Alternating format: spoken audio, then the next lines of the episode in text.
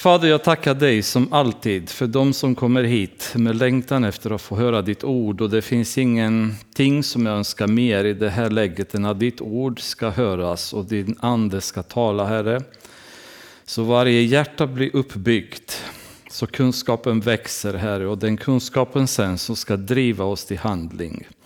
Herre, du vet att den längtan finns i mitt liv och jag tror det finns i mångas liv här i vår församling och säkert i så många andra församlingar där folk eh, har en längtan efter att komma till handling. Men vi vet att vi behöver din heliga Andens kraft, din vägledning för att kunna ta det från tanke till ord till handling, Herre, så det inte går i vår kraft, vår mänskliga förmåga, utan att i allt vi gör så är vi medvetna att det är genom din heliga Andens kraft som allting sker. Och jag Fader, jag ber att du ska vägleda varje ord som kommer från min mun, rensa våra hjärnor så att vi är eh, perfekt förberett för att ditt ord ska komma in och slå rot. Jag ber att du ska förlåta oss all synd som ska dölja sig i våra hjärtan, som ska vara i vägen för det som du vill göra i våra liv, Herre. Jag ber i Jesu namn. Amen. Ja, um, ska vi öppna till Matteus evangeliet kapitel 24? För omväxlingens skull. Uh, så ska vi börja uh, bibelstudiet där tänkte jag ikväll. Ni vet att vi ska vidare i första Moseboken kapitel 6. Men um, vi ska ha Matteus som inledningsdel för vad som vad vi kommer prata om. Kapitel 24. Ehm, när Jesus närmar sig slutet kan man säga, ehm, stunden innan korsfästelsen, så närmar sig lärjungarna honom och frågar ehm, hur kommer vi veta eh, vad som komma skall om man ska verkligen eh, sammanfatta. Men vi kan läsa kapitel 24, vers 3. När Jesus sedan satt på Olivberget och lärjungarna var ensamma med honom kom de fram till honom och frågade Säg oss, när ska det ske och vad blir tecknet på din återkomst och den här tidsålderns slut? Och den här frågan nu eh, inleder ett väldigt, väldigt långt svar från Jesus som i hela kapitel 24 och kapitel 25 går han igenom tidstecken, fenomen som kommer inträffa i världen innan hans återkomst. Eh, detta är också, dyker upp i annat evangelium, vilket påvisar vikten av man kan säga generellt, när Gud ger väldigt mycket utrymme till någonting i Bibeln, det finns en anledning till det. Och när det finns väldigt litet utrymme så finns det en anledning till det. Så vi har pratat om det gång på gång, ingenting är satt där av misstag. Så när Jesus ger så enormt mycket utrymme åt det här ämnet, kapitel 24, kapitel 25, om vi bara tittar på Matteus här, så förstår vi att det här var väldigt viktigt för honom att förmedla till lärjungarna eh, hur världen kommer se ut, vad som kommer hända i världen, vad måste inträffa i världen innan hans återkomst. Och detta för att han inte ville att de skulle bli bedragna. Men i samma kapitel, sen vers 37 och eh, 39, då säger han så här. Så som det var under Noas dagar, så ska det vara när Människosonen kommer. Under dagarna före floden åt de och drack, de gifte sig och blev bortgifta ända till den dag då Noa gick in i arken. Och de visste ingenting förrän floden kom och ryckte bort dem alla. Så ska det bli när Människosonen kommer. Så Jesus säger nu att precis så som det var under Noas dagar så kommer det bli när Människosonen kommer. Och med den frågan då så ska vi gå vidare till kapitel 6 i första Moseboken och nämligen hur var det under Noas dagar? För att sen vi som kristna idag ska förstå vad ska vi tänka på när det gäller Jesus Kristus ankomst, vilket vi alla längtar efter och eh, ibland ropar efter och gråter efter många gånger, speciellt i stunder där livet blir tufft, när kanske förföljelsen och motståndet blir hårt, så många gånger så längtar vi till himlen, vi längtar hem helt enkelt. Och Jesus hjälper oss att förstå hur vi ska tyda de tecken. Och då börjar vi läsa från vers 1 i kapitel 6.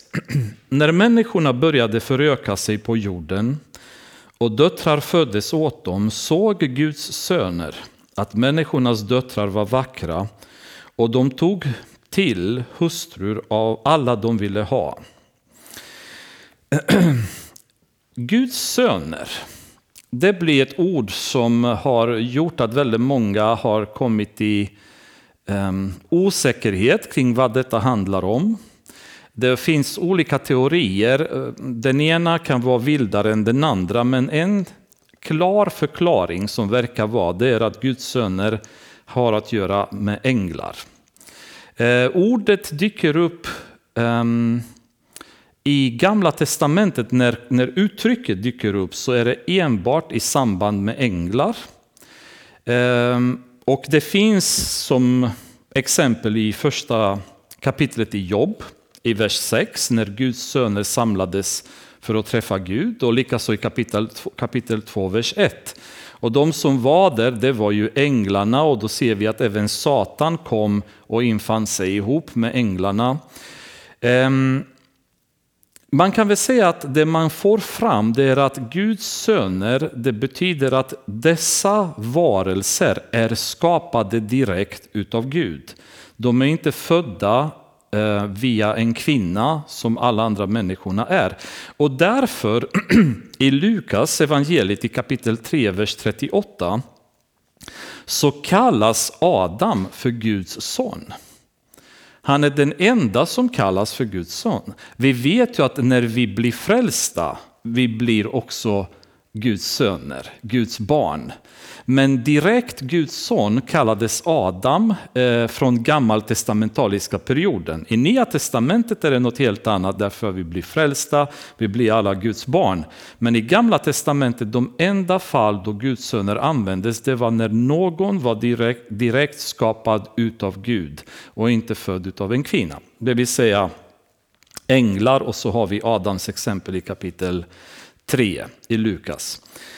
Um, och med detta i tankarna så blir det liksom en intressant situation. Därför att vi förstår nu att det som händer i världen är att populationen ökar. Och änglar ser människornas döttrar, att de var vackra.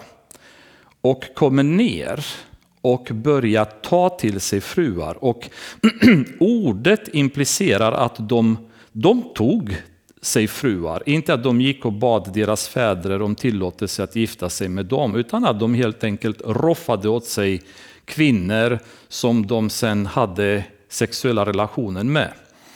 Ehm, I vers 3 då står det, då sade Herren, min ande ska inte bli kvar i människorna för alltid på grund av deras förvillelse. De är kött och deras tid ska vara 120 år. Gud märker nu att det finns en situation i världen där ondskan ökar, synden ökar i världen. Och intressant är att ordet som används där ska inte bli kvar i människorna. Eh, I Anna, an, även i andra svenska översättningar så står det min, min ande ska inte kämpa med människan för alltid.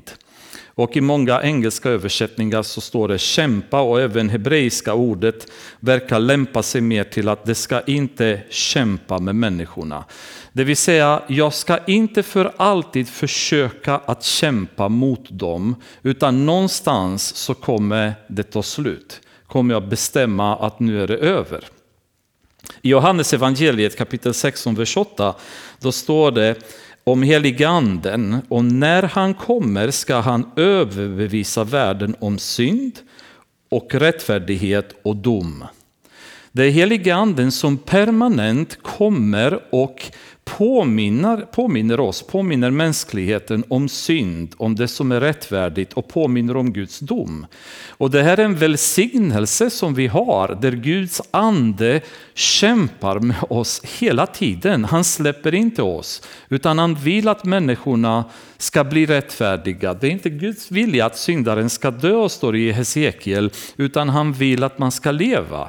Så Guds ande permanent är ute och uttrycker kärleksord från Gud i öronen på mänskligheten och visar dem hur underbar Gud är, vad mycket Gud välsignar oss med, vad god han är med oss, vilka underbara skördar vi har, vilket härligt väder vi har, vilken eh, vad ska jag säga, framgång vi har i våra liv, vilka underbara familjer, vilka friska barn vi har fått, vad mycket han bryr sig om. Allt det här heliganden talar för mänskligheten hela tiden kärleksfulla ord för Gud för att få människorna att vända till Gud, att, att tala om rättfärdighet, det vill säga att önska att de ska, tala, att de ska omvända sig.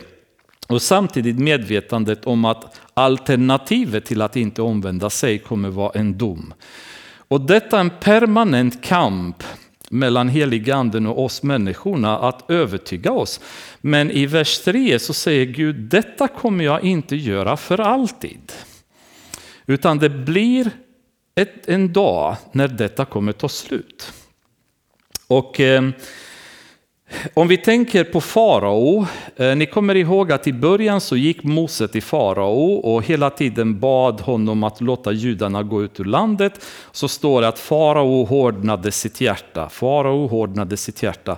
Men ett tag efter det så står det, men Gud hårdnade faraos hjärta. En helt annan inställning därför att hans permanenta hårdnade av hjärtat ledde Gud till att säga nog är nog. Från och med nu ser jag till att ditt hjärta blir hårt och då blir det aldrig mjukt. Då är det bara förödelse, då bara eh, straff som kommer gälla för dig. Du har fått din chans åtskilliga gånger, du har sagt nej, nu är det slut. Och när Gud säger att det är slut, då finns det ingen möjlighet att vända det. Eh, vi kommer se senare i kapitel 7 när vi kommer vad som händer när Gud stänger dörren för arken. Då är det stängt. Liksom. Ehm, vi tänker, vi pratade om Jeremia när vi gick igenom Jeremia, att i 490 år har Gud tillåtit judarna att omvända sig och tala till dem genom profeter. Ni måste omvända er, ni måste omvända er, ni måste omvända er. Och sen säger Gud, nu räcker det. Nu finns det inget mer hopp. Nu är det bara förödelse som kommer ske och det finns ingen, inget sätt att omvända sig. Och prästerna sa nej, men Gud är för god. Han kan inte göra det. Han kan inte tillåta det. Och Jeremia säger hela tiden, det är över, det är över. Ni måste acceptera det. Det finns inget mer hopp. Jerusalem kommer att falla och de falska profeterna och prästerna sa nej, nej, nej, det kommer inte falla. Och Jeremia säger jo, det kommer falla. Gud har bestämt att det kommer falla. Det finns ingen väg tillbaka. Så det finns den inställningen som Gud har där han tillåter oss att eh, omvända oss. Och det vi behöver göra alltid det är att när Gud kallar oss så behöver vi faktiskt svara omgående. För vi vet inte var Guds gräns för våra liv går. Ibland, med vissa är han mycket mer tålmodig, med andra är han inte det.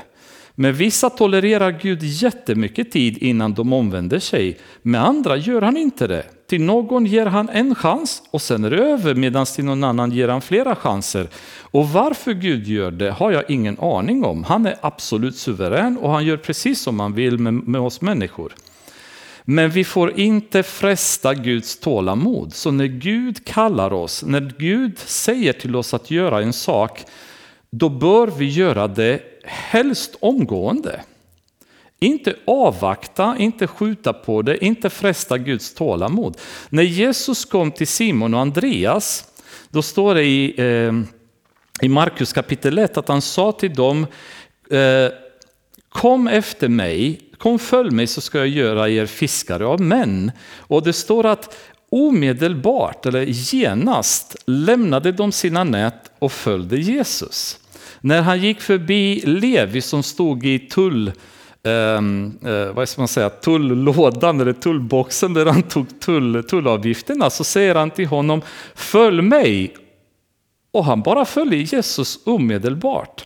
Inte att oh, jag skulle vilja, det här låter väldigt intressant, men jag har ett jobb att sköta, jag har en inkomst att få, jag måste, vad, vad händer med min familj, hur ska de leva? De behöver pengar, jag behöver fixa mat på bordet, jag är ändå familjens huvud. Utan när Jesus kallade så lämnade de allt. Och det kan vara också en anledning till att dessa har valts utav lärjungar av Jesus. Därför att han visste att när jag kommer kalla Simon, när jag kommer kalla Andreas, när jag kommer kalla Levi, så lämnar de allt. De har det materialet i sig, det är människor som kommer följa mig. De kommer vara ärliga, de kommer vara ihärdiga i det jag kallar dem till. Och det är ibland det jag känner själv när man sitter och funderar på varför man inte använder mer utav Gud i sitt arbete, då är det frågan hur lyhörd är jag till att göra det Gud kallar mig till att göra och göra det omedelbart. Är jag trogen i de små så han kan använda mig i större arbete med en större plan som han skulle kunna använda mig till? Eller så kan han aldrig använda mig ens i de små områdena därför att jag lyder inte honom. Jag gör inte som han kallar mig. Jag, jag är för lat, jag är för, för intresserad av mina själviska materiella saker än att följa honom. Och då är det frågan, hur lång tid kommer Guds ande sträva med mig? När på vägen kommer Gud säga, jag har fått nog av dig. Jag har ingen mer nytta av dig. Jag kommer ingen vart med dig. Alla gåvor jag gett dig har du bara grävt ner, du använder dem inte. Hur långt tålamod har Gud med en församling som permanent vägrar att följa honom? När kommer Gud säga, jag har fått nog med den församlingen. Det kommer aldrig bli väckelse i den församlingen, för jag har gett alla chanser ni har kunnat få på vägen under de senaste åren och ni har sagt nej, nej, nej, nej. Var kommer Guds tålamod ta slut? Det vet vi inte, men vi borde inte fresta det. Vi borde inte försöka ta reda på det. Utan vi borde reagera på när Gud säger gå så ska vi gå. När Gud säger be så ska vi be. När Gud säger läs ordet så ska vi läsa orden. När Gud säger öppna munnen och predika evangeliet i tid och otid så bör vi göra det. Därför att han kallar oss till att göra det. Och I det här fallet så ser vi ett tydligt exempel på att Gud säger min ande kommer inte för alltid sträva med människan utan någon gång så kommer det ta slut. Och I det här fallet så säger han att de är kött och deras tid ska vara 120 år. Och återigen, vad som menas med 120 år, det är jättemånga olika förklaringar. En del säger att det menas att efter floden, så när, när jordens atmosfär förändras och kosmiska strålningen kommer öka så kommer människorna dö mycket tidigare. Och tittar vi idag, vi ser att 120 år är ungefär så långt en människa kan komma i närheten av. Personligen så tror jag inte riktigt att det är det det menar, därför att om vi tittar efter floden så finns det åtskilliga fall av människor som har fortfarande levt flera hundra år. Sen är det sant att åldern sjunker mer och mer och mer allt eftersom kosmiska strålningen och degenerationen av jorden ökar. Allting blir, går mot sitt slut, så även människornas åldrar har sjunkit. Men snarare så skulle jag tro att i det fallet betyder att det blir 120 år kvar tills floden kommer och då kommer det ta slut. Um, och det, det, finns ju olika åsikter kring det, men det här verkar definitivt det som är mer troligt från versen och sammanhanget att om 120 år så blir det över. Det kommer floden, det kommer ta, allting tar slut för alla då. um, I vers 4 så står det senare, vid denna tid då Guds söner gick in till människornas döttrar och dessa födde barn åt dem och även senare levde våldsverkarna på jorden. Detta var forntidens väldiga män som var så ryktbara. Um, väldiga män i den grekiska översättningen av Bibeln som gjordes um, ganska långt innan Jesu um, ankomst, som heter Septuaginten, vi pratade om det tidigare, är ordet ehm, för väldiga män översatt som gigantes, vilket ni förstår vad det betyder. Giganter. I andra svenska översättningar så står det jättarna fanns på jorden och det är ju den den mer så att säga, korrekta översättningen av, jorden, eh, av ordet snarare än väldiga män. Även om väldiga män kan egentligen innebära samma sak, men det blir lite oklarare vad det innebär. Men det som har konkret hänt här, det är att föreningen mellan himlavarelserna som var uppenbarligen fallna änglar som kom till jorden och parade sig med människornas döttrar skapade en ny människoart som heter jättar. Människor som var extremt mycket större, extremt mycket starkare och väldigt onda människor. Um, kring jättarna så finns det väldigt mycket skrivet, men det intressanta är att de dyker upp. Vi, vi hittar dem på flera olika ställen i Bibeln framöver. Men om dessa dagar, om vi innan vi går in lite djupare på jättarna, så skulle jag vilja ta lite mer tid kring just vad som hänt i de här dagarna med den här Ehm, ankomsten av änglar som parade sig till, med människornas döttrar, döttrar, roffade åt sig människornas döttrar. Om vi vänder till andra Petrusbrevet kapitel 2 så har vi från vers 1 eh, till vers 5 som vi kan läsa. Då skriver Petrus så här, men det fanns också falska profeter bland folket, liksom det även bland er kommer att finnas falska lärare som smyger in förödande irrläror. De ska förneka den Herre som har friköpt dem och dra plötsligt fördärv över sig. Många ska följa dem in i deras lössläpphet och för deras skull kommer sanningens väg att bli hånad. I sin girighet kommer de att utnyttja er med hjälp av falska argument. Men domen över dem är verksam sedan länge och deras undergång sover inte.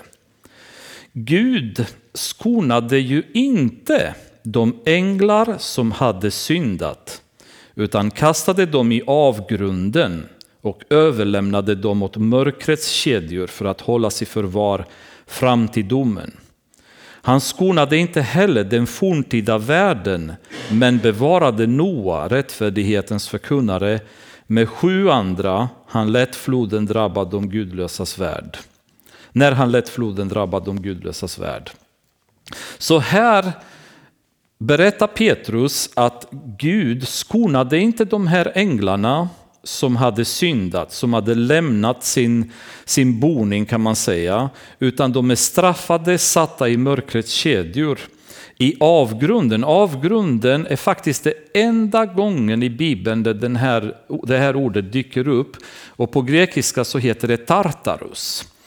Um, och var den här avgrunden finns kan vi bara gissa, det finns ju olika synpunkter kring det. Men det är ju ett speciellt ställe, det handlar inte om Gehenna, det handlar inte om Sheol där de döda väntar på sin dom, utan det är ett helt annat ställe som heter Tartarus, där Gud håller de här änglarna fastbundna där i kedjor i mörkrets avgrund. Då. Och det är straffet för att de har syndat, kan man väl säga, lämnat sin boning och gjort det de har gjort. Ehm, om vi går vidare till första Petrus och vänder bara några blad i kapitel 3. Så har vi vers 19 och 20 vi ska läsa där. Och det pratas om vad Jesus gjorde efter um, hans död. Och då står det, i anden gick han sedan och förkunnade sin seger för andarna i fängelset. För de som förr hade vägrat lyssna när Gud väntade tåligt under Noas dagar, medan arken byggdes. I den blev några få, åtta själar frälsta genom vattnet. Så här säger Petrus att efter hans död så gick Jesus Eh, ner och förkunnade sin seger för andarna i fängelset. Ehm, och det är intressant att tänka på det sammanhanget, alltså varför gjorde Jesus det? Vi kan ju gå in och spekulera väldigt mycket, men det intressanta är att han förkunnade sin seger. Det finns en viss ehm, syn på att Jesus gick ner för att förkunna, förkunna evangeliet för de här andarna. Eh, jag tenderar att se snarare att Jesus gick ner och bara förkunnade jag har vunnit. Ni trodde att ni skulle stoppa mig, men jag har vunnit. Och ni kommer se varför jag tror det. Men mer och mer, ju mer jag har läst, ju mer jag sett det i sammanhang, desto mer övertygad om att det handlar inte om att predika något evangelium, utan det handlar om att enkelt förkunna, jag har vunnit segern för dem. Eh, de andarna som var fastbundna. I Juda, om vi går några, ni ser vi går i lite annorlunda bibelböcker nu när vi kommer till Noas dagar. Sådana här bibelböcker som ni inte kanske jätteofta öppnar eller läser. Eh, eller populära, överpopulära i församlingarna kan man säga. Men det är spännande. Eh, om vi går till Juda, då har vi vers 6 och 7 vi ska läsa. Och de änglar som inte höll fast vid sin höga ställning utan övergav sin rätta hemvist, de håller han i förvar i mörker med eviga bojor till den stora dagens dom. Så är det också med Sodom och Gomorra och städerna däromkring som på samma sätt kastade sig ut i sexuell omoral och följde onaturliga begär. De står som ett varnande exempel och får sitt straff i evig eld. Och sen eh, kan vi läsa i också Juda, vers 14 och 15. Henok i den sjunde släkt, det sjunde släktledet efter Adam profeterade om dem, se Herren kommer med sina tusentals heliga för att hålla dom över alla och ställa varje själ till svars för alla de gudlösa gärningar de gjort och för alla de hårda ord som gudlösa syndare har talat mot honom. Här är ju en väldigt intressant vers. Eh, där utöver att vi informerade om vad som hände med de här änglarna som hade lämnat sin hemvist, så plötsligt går Juda i någonting där vi har inte en blekaste aning om vad han pratar om. Han säger att Henok har profeterat, men kan ni hitta en sån profetia i Bibeln? Finns inte. Däremot så refererar Juda här till en, en bok som heter Henoks bok. Normalt sett så finns det i apokryfiska böckerna i Bibeln och det är en bok som inte anses vara gudainspirerad. Emellertid så är det mycket möjligt att det finns väldigt mycket historiskt värde i den boken som i många andra böcker ehm, som inte finns med i Bibeln. Ni vet att när vi läser i krönikeböckerna så står det med jämna mellanrum om mer om den här kungen finns i, i Israels kungars kröniker.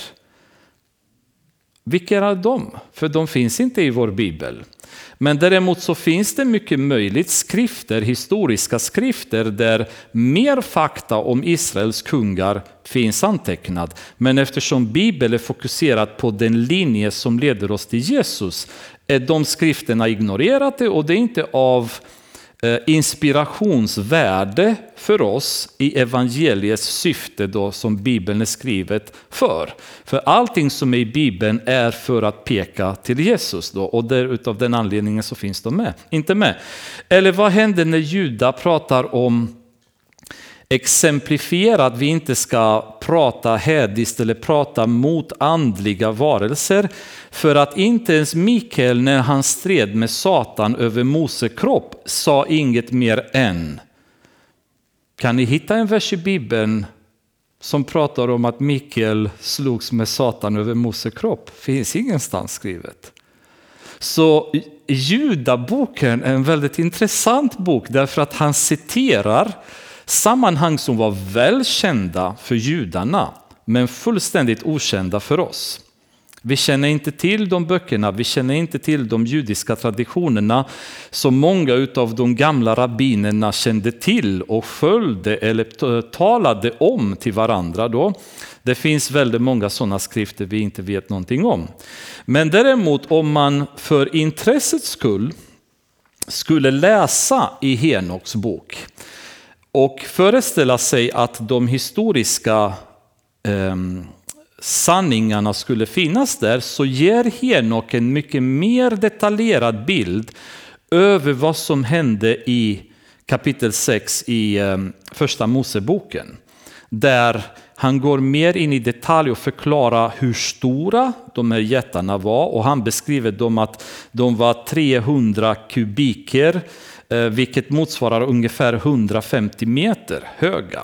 Han beskriver att de var oerhört eh, onda. Han beskriver att de hade introducerat trolldom i mänskligheten och lärt människorna trolldom, lärt människorna att tyda stjärnbilderna, lärt människorna att eh, förstå sig på månens rörelse och så vidare. Eh, men samtidigt att de var oerhört onda och dödade, slaktade människor, ehm, konsumerade mänskliga resurser ehm, och förstörde väldigt mycket runt omkring. Är det sant eller inte sant? Det vet vi inte. Det är ingen bok som finns i Bibeln, därmed vill jag inte lägga någon stor tyngd på. Men kan man ha det lite grann som en intressant historisk betraktelse om man så vill. Men från vers 4 då förstår vi att, att dessa hade gett uppkomst av en ny art människor helt enkelt. En helt annan genetik som kom in i världen i vers 4. Det var inte de gener som Gud hade bestämt att de skulle överföras från Adam och Eva hela vägen till Jesus. Men det som händer nu, som jag är helt övertygad om, det var ett sataniskt försök att förstöra genpolen i världen för att på så vis förhindra att profetian från första Moseboken kapitel 3, vers 15 överhuvudtaget kunde uppfyllas. Om han kunde förstöra mänsklighetens genpool och introducera sina egna gener i mänskligheten, då skulle inte Jesus kunna komma. Det var helt omöjligt. Då kunde han vinna striden. Och därmed så blir det ett kalkylerat försök från Satan via sina änglar att penetrera mänskligheten med en, man kan kalla det humanoid ras. En kombination av himlavarelser och jordiska varelser. Och det låter nästan som sagor om det inte vore så att det står i Bibeln. Vi vet att det har, det har hänt, det är inga påhitt, det är inte, inte drömmar. Det intressanta är att samma koncept finns i jättemånga andra kulturer. Hela grekiska mytologin pratar om just titanerna som var en, en art människor som var kombinerad mellan eh, gudavarelser och jordiska varelser. Ehm, och den kulturen finns utspridd. Eh, romarna hade det i sin kultur och väldigt många andra religioner i världen pratar om hur en gång i tiden gudar har kommit på jorden, besökt dem och lärt dem saker, bland annat. Undervisat dem i olika vetenskapliga delar. Eh, folk sitter idag och kan inte fatta hur pyramiderna kunde ha byggts. Alltså stenarnas vikt i pyramiderna, de är så extremt stora så det finns bara typ någon typ av kranmaskin idag i världen som kan lyfta dem. Så hur kunde de bygga pyramider på den tiden med så enormt stora stenblock där du inte ens kan köra en nål mellan ett block och en annan, ett annat block? En perfektion och en alignering med kosmiska föremål som pyramiderna har byggts med. Och dessutom den enorma tyngden som pyramiderna har gör att de fortfarande inte sjunker. De ligger kvar på samma ställe, de sjunker inte ner. Och vi vet idag hur lätt det är att byggnader sjunker med åren och man måste liksom säkra och, och försäkra dem för att de inte ska sjunka mer och mer. Så det är sådana konstruktioner som bara det finns, det är omöjligt att förklara hur har de tillkommit. Man tittar på statyerna på Påskön. De vet inte ens idag hur har de här statyerna kunnat byggas och vad föreställer de? Väldigt annorlunda utseende på de statyerna och otroligt stora stenblock som ingen kan förklara hur de har uppkommit, hur har de transporterats där. De har alla möjliga antaganden men inget konkret och massor av sådana situationer där ingen kan förklara. Någonstans i världens historia så har det uppkommit en interaktion mellan himlavarelser och jordiska varelser. Och här har vi början på den interaktionen när Guds änglar kom och började para sig med människornas döttrar och jättar föddes som resultat av det. Som var inte bara väldigt stora men stora våldsverkare i världen då. Vi vet ju att änglarna har en förmåga att, att passera tid och dimension. De kan förflytta sig från en dimension till en annan dimension. Men samtidigt så har de möjlighet att uppträda som människor. Vi vet i gamla testamentet och i nya testamentet det finns interaktion med änglar och vi vet att änglar delvis har suttit och ätit ihop med Abraham till exempel när de besökte honom. Vi har fall då en ängel har tagit någon annan människa i hand och agerat precis som en annan människa. De har uppträtt, talat som män till exempel. Vi har sett i Hebreerbrevet i kapitel, eh, Eh, kapitel 13 i vers 2 så uppmanas vi att vara gästvänliga därför att genom gästvänlighet så har vissa eh, tagit hand om änglar. Men då måste änglarna ha sett ut som människor om du inte ens visste att de var änglar och du tog emot dem och tog hand om dem.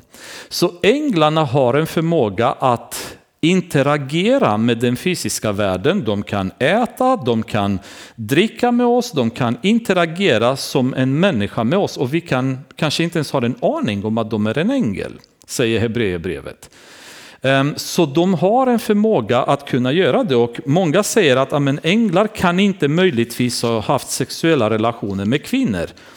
Eh, för Jesus säger att när vi kommer till himlen så kommer vi vara som änglarna, där kommer vi inte gifta oss och inte äta och inte dricka. Och det är mycket möjligt att så är det i himlen, men det betyder inte att de inte har förmågan att kunna göra det. Om de skulle vilja, om de kommer i interaktion med mänskliga varelser på jorden.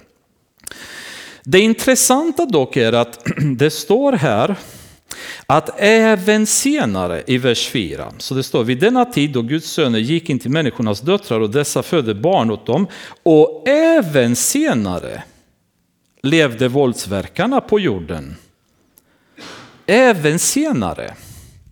Nu är det Moses som skriver detta och även senare betyder med all sannolikhet även efter floden så förekom jättar. Och eh, utan att gå eh, i jättemånga detaljer, det vi kan förstå det är att när Satan misslyckades, när floden satte stopp för Satans försök att förstöra befolkningen på jorden, så började han ytterligare ett försök efter floden och gav inte upp. För sen om vi tittar vidare, vi har i Nespejarna, Eh, Josua, Kaleb och de övriga tio spejarna, de kommer tillbaka från Kanaan så rapporterar de i första Moseboken kapitel 13 och säger vi såg jättarna där, Anaks barn som kom från jättestammen och vi var, lyssna här, som gräshoppor vi var som gräshoppor i våra egna ögon och så var vi också i deras ögon. Om de uppfattar sig själva som gräshoppor i förhållande till jättarna kan det vara så att det som står i Enoks bok stämmer. Att de var så pass stora så att människorna uppfattade sig som gräshoppor i jämförelse med dem. Det kan inte varit att de var bara tre meter stora som Goliat verkar ha varit senare. Det måste ha varit mycket, mycket större jättar än, än den så att säga, nivån. Eh, ammoniterna beskrivs i Amos kapitel 2, vers 9. Det står så här, det var jag, säger Herren, som förgjorde amoreerna för er. De var höga som sedrar och kraftiga som ekar. Det är vad Gud säger om amoreerna. Om emeerna och Refaena står det också i femte Mosebok kapitel 2, vers 10-11 att de var jättar. Om samsumiterna i femte Moseboken kapitel 2, vers 20-24 står det att de var jättar. Om refaierna så står det att de verkar bli utrotade i och med kung Og i Bashan i femte Moseboken kapitel 3, vers 11, vars säng var cirka 4,5 gånger 2 meter stor. Det står att han var den sista utav refaierna och hans säng var helt gjord i järn och var 4,5 gånger 2 meter stor. Nu var det kanske inte lika stor som att man var en gräshoppa i förhållande till honom, men 4,5 meter gånger 2, det är ganska stort med dagens mått mätt för en människa. Och sen har vi Goliat vars storlek uppskattades att vara någonstans mellan 2,5 och 3 meter. Eh, och det står att hans, hans rock eller stridsrock eller det han hade på sig vägde ungefär 56 kilo. Och bara spetsen på hans spjut vägde 7 kilo. Så det var det fanns jättar på jorden även efter floden. Satans försök att påverka mänsklighetens genpool fortsatte efter detta. Ni kommer ihåg oftast när ni har pratat med människor och hör folk där ute prata om hur elak Gud är. Hur kunde Gud acceptera att när Josua kom in i landet att de skulle slakta folk bara sådär? Ni kommer ihåg vad Gud säger till Josua? Alla ska dö. När han skulle invadera ett område så sa han alla. Djur, människor, barn, kvinnor, rubbet. Med dagens eh, mentalitet så sitter vi bara, vad är Gud blodtörstig liksom? Hur kan han göra så? Varför ska de döda alla? Och han säger, ni får inte tillåta några att bo bland er. De fick utesluta alla från de territorier det Gud hade gett dem. Och han sa, jag kommer skicka min ängel före er, sa han till Mose, och förbereda och driva ut dem. Inte alla på en gång för att landet ska fortsätta att vara frodig och generera frukt och, och odlingar och så vidare. Men jag kommer driva ut dem framför er alla. Det ska inte finnas någon interaktion mellan er och dem. Och när ni kommer in i landet så dödar ni alla. Men vet ni vilka som bodde där i landet? Det bodde anakiter, det bodde sansumiter, det bodde refaier, horier och så vidare. Nationer som var genetiskt förorenade av annat gen än Gud hade skapat världen för att vara. Av den anledningen säger Gud, liksom med floden, när han dödade alla utom åtta, han säger samma sak, alla måste dö. Den genen, den typen av människor ska bort. De ska inte existera på jorden. De är inte de människor som jag har skapat. Och det är människor som om de kommer i interaktion med er, israeliterna, kan fördärva chansen att världen kommer uppleva frälsning. Det måste vara ett skydd mot er som nation för att Messias ska kunna komma. Inget Satan emellan, ingen blod, inga gener, ingenting som inte kommer från det som Gud har skapat. Därav den enda som sparades, kommer vi se senare, är Noa som var från en ren linje som hade kommit hela vägen. Men det är ju en väldigt intressant situation Eh, att dessa människor har existerat. Det känns som en, som en sådär eh, sagoberättelse för barn. Men ju mer man fördjupar sig i det, desto tydligare får man en bild av hur världen såg ut då. Och det var riktigt illa, för i vers 5 så står det, och Herren såg att människorna, on, människornas ondska var så stor på jorden och att deras hjärtans alla tankar och avsikter ständigt var alltigenom onda. Då sörjde Herren att han hade gjort människorna på jorden och han var bedrövad i sitt hjärta. Inte undra på det när man ser skapelsen, vad det hade förvandlats till. Från den underbara Eden där Gud promenerade med Adam i kvällsbrisen så, så hade kommit fram till detta. Där, där eh, någon slags humanoida varelse sprang på jorden, förstörde allt och synden bara hade spridit sig till en punkt där det fanns ingen mer rättfärdighet på jorden. Gud sörjde över detta. Och Herren sade, människorna som jag har skapat ska jag utplåna från jorden, jordens yta. Både människor och fyrfota djur, kräldjur och himlens fåglar. Jag sörjer har jag gjort dem. Men Noa hade funnit nåd inför Herrens ögon. Detta är Noas fortsatta historia. Noa var en rättfärdig man och fullkomlig bland sina samtida. Han vandrade med Gud. Hmm. Två ord här är väldigt intressanta. Noa var rättfärdig och fullkomlig bland sina samtida. Men när man tittar på ordet samtida, vad det betyder, så betyder bland sin generation eller bland sin genealogi.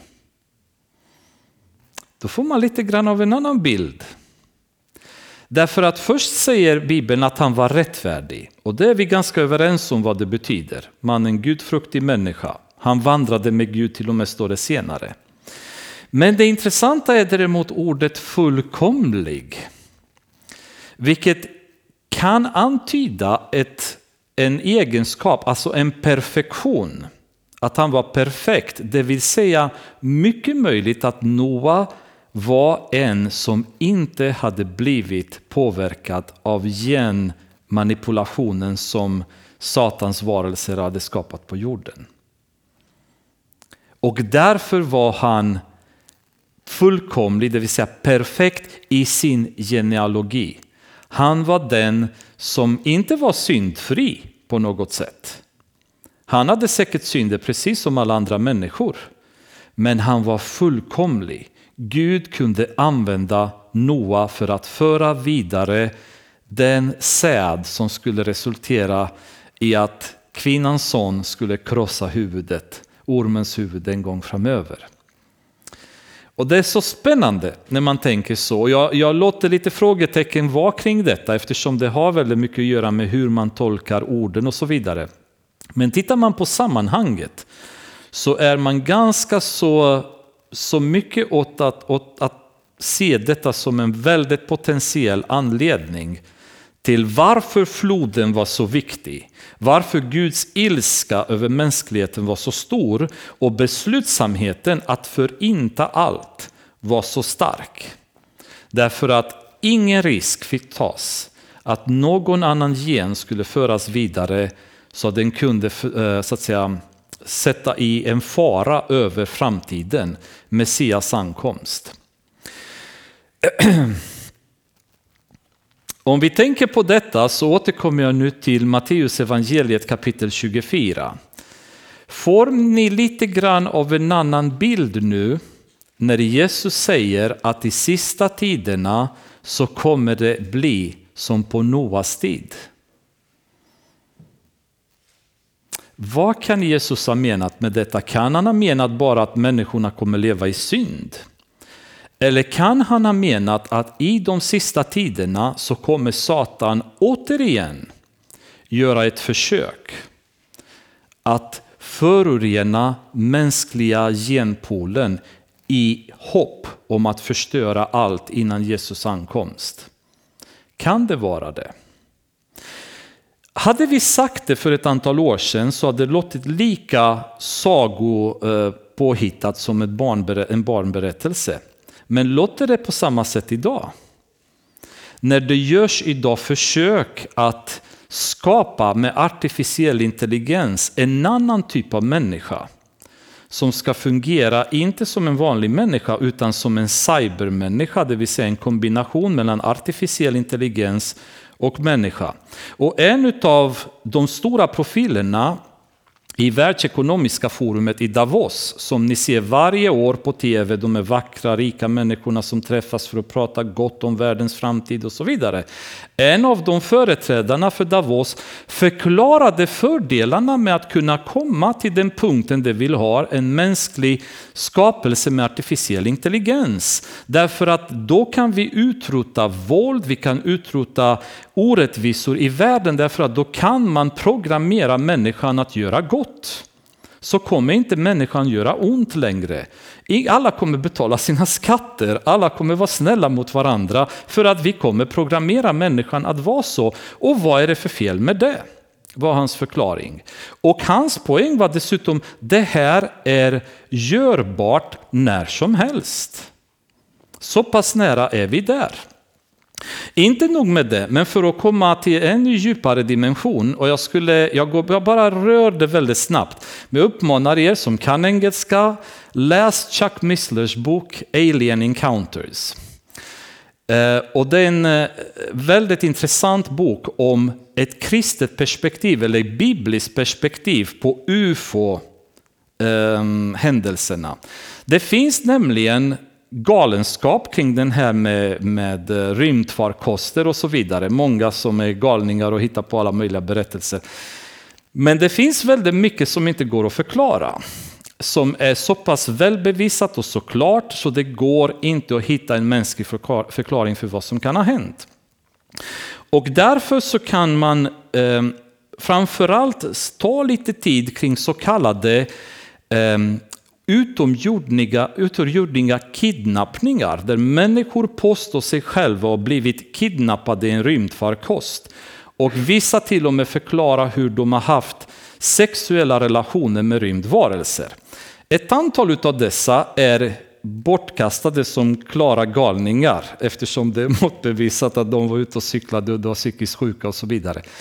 Däremot så finns det överväldigande många fall som inte är kopplade till varandra av människor som på ett väldigt trovärdigt sätt Bland annat en fårherde i Brasilien till exempel och en, en annan som är, alltså olika länder där folk har varit med om detta och förklarar i minsta detalj vad de har gått igenom och vad som hade hänt. Och när man Sätter de här berättelserna ihop så hittar man ett mönster där man ser att det stämmer, det verkar hända samma sak i varje situation.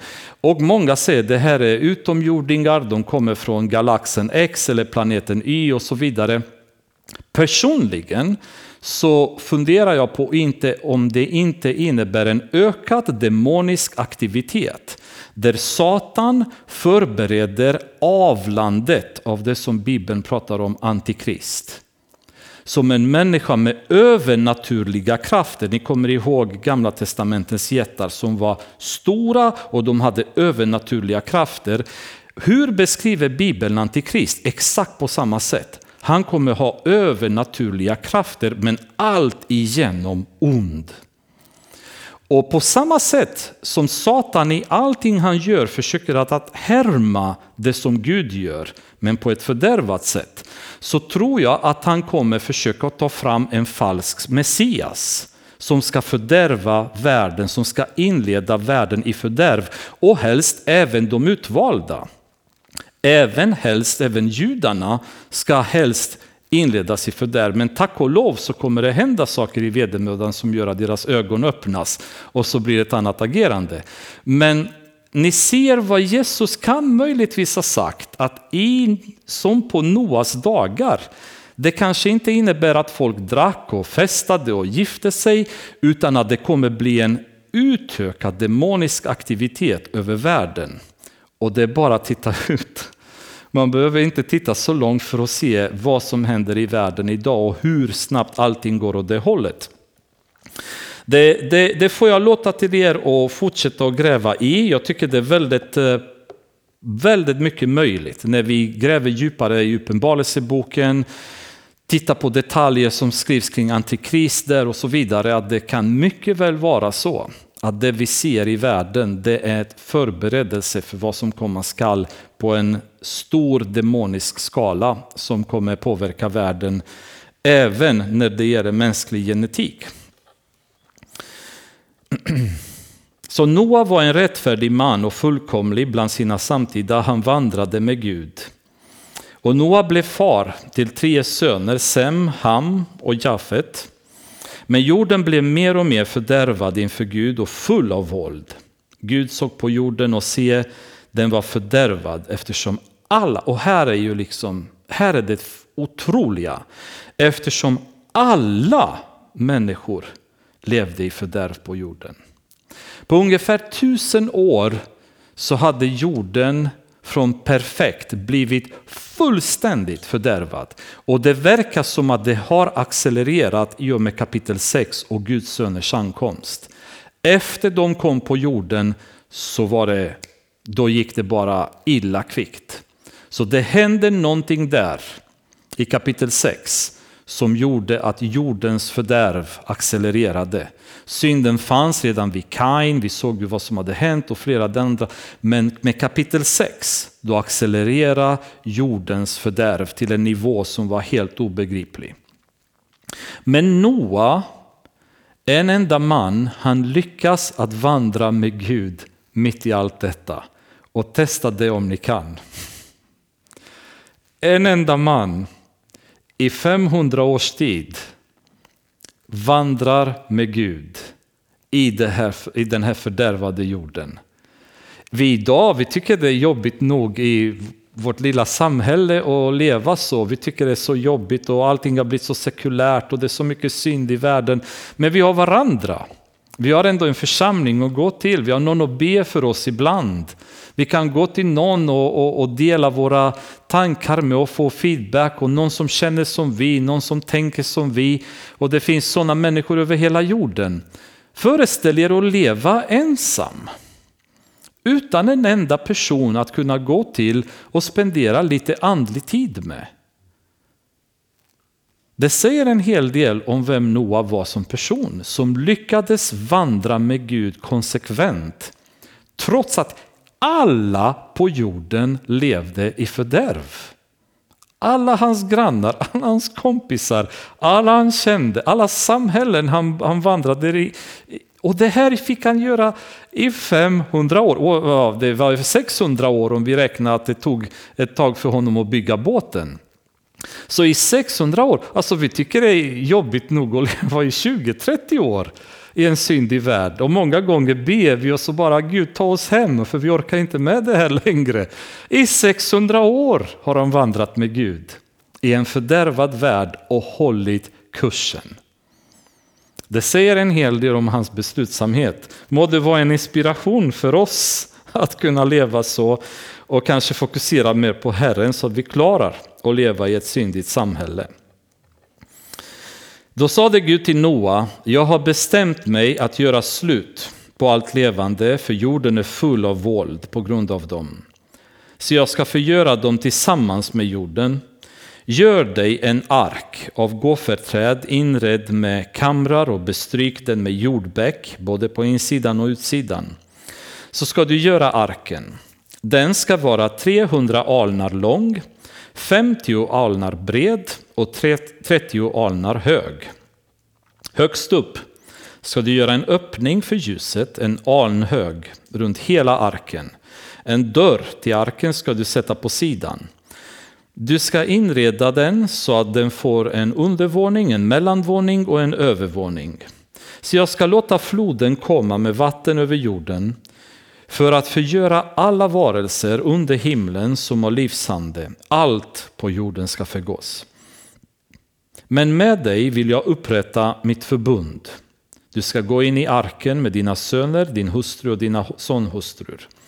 Av allt levande, av alla, av alla varelser ska du föra in ett par i arken för att de ska överleva tillsammans med dig. Hankön och honkön ska det vara. Av fåglarna efter deras slag, av fyrfotadjuren efter deras slag och av alla kräldjur på marken efter deras slag ska ett par av varje slag gå in till dig för att förbli vid liv. Och du ska ta med dig all slags föda, sådan som kan ätas och samla i förråd. Det ska kännas som mat för dig och dem. Och Noa gjorde så. Han gjorde i allt som Gud hade befallt honom. Så det är ganska kortfattat eh, om planen att bygga arken och vad som skulle hända med det. Om vi tittar på arken på, lite snabbt kan man säga. Så arken var i de måtten som beskriv 150 meter lång cirka.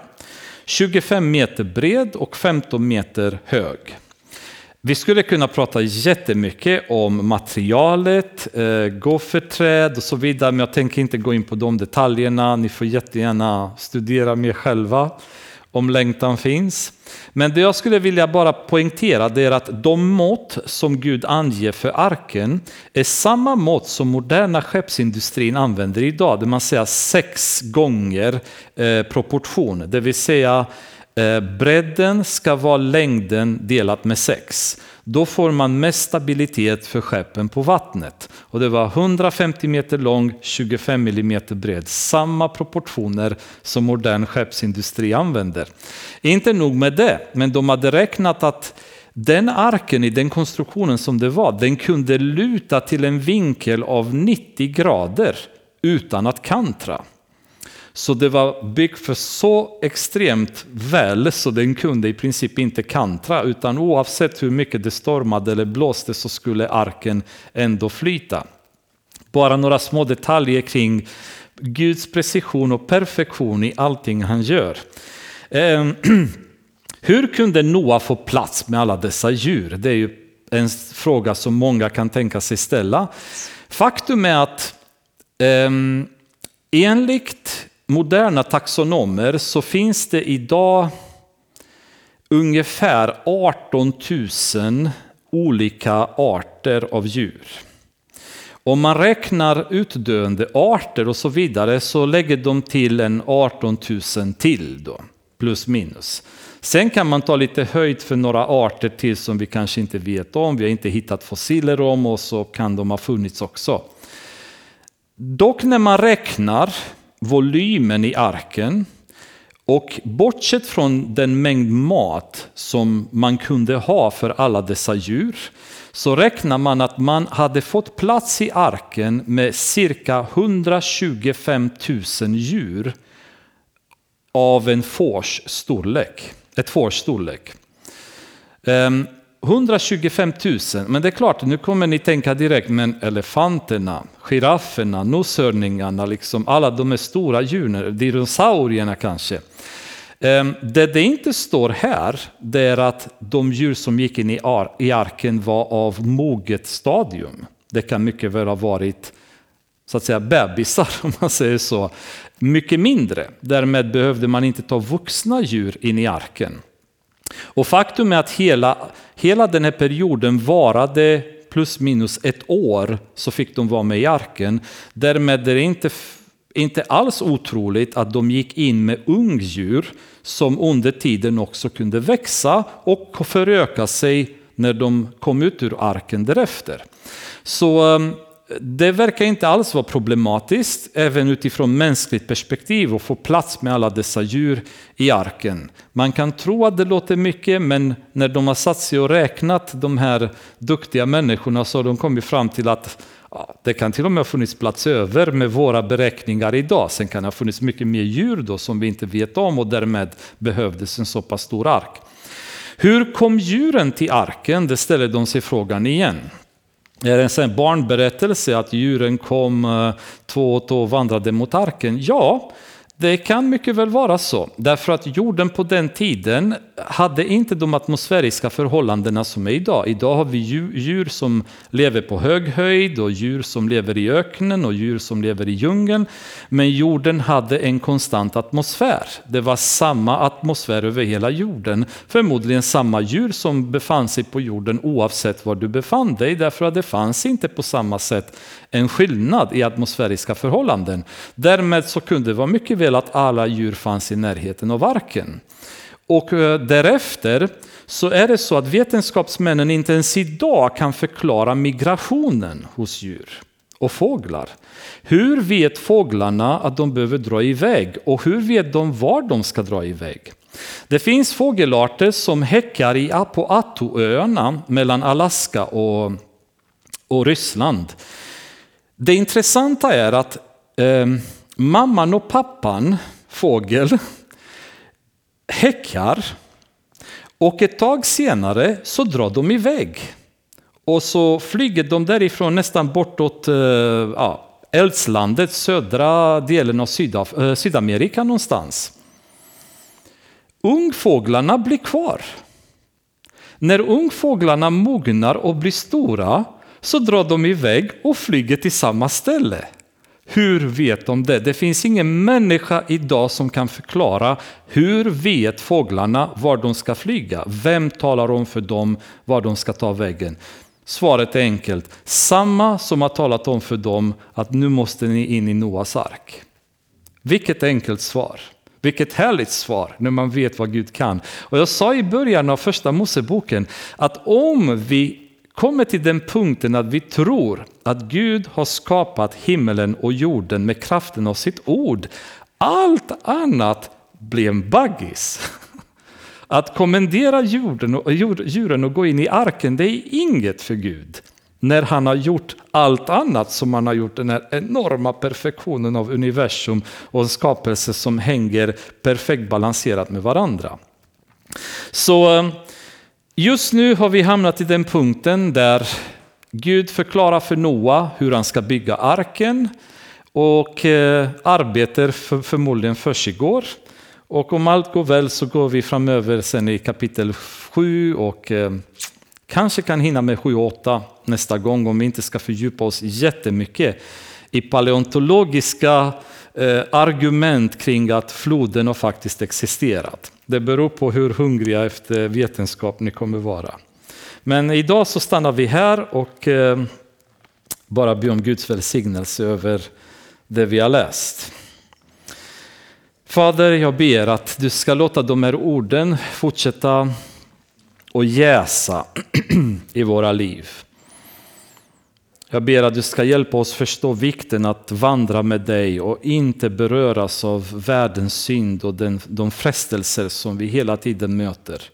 Jag ber att du skyddar vår syn, vår hörsel, all, all känsloliv och alla tankar som vi har härifrån djävulens angrepp. Vi ser vilken ondska han sprider, Herre. Vi ser vilken plan han har och låt oss som dina barn hålla oss rena.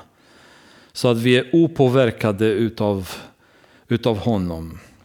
Herre, jag tackar dig för att vi tillhör dig, att vi har heligandens sigill på oss som garanterar oss att vi tillhör Jesus. Låt oss få vara kvar i hans hand, bevarade, beskyddade utav dig Fader. Låt oss få bara ransaka oss varje dag så att vi ser till att vi vandrar på rätt väg, Herre. Så att vi inte hamnar på fel väg, så att vi inte går i öknen. Utan att vi hela tiden vandrar med dig. Jag ber att du ger oss styrka och ta kontroll över vår tunga. Att ta kontroll över varje lem i vår kropp. Över tankar, över argsinta ord och svar tillbaka som inte bygger upp någon. Du ser var och en av oss och djupet av vårt hjärta, vad vi kämpar med, vilka synder som är permanent ett problem för oss. Och jag ber om kraft från din heliga Ande, Herre. Jag ber om kraft från dig, Fader, att vi ska kunna besegra den onde, att vi ska kunna stå emot honom tills han flyr ifrån oss. I Jesu namn. Amen.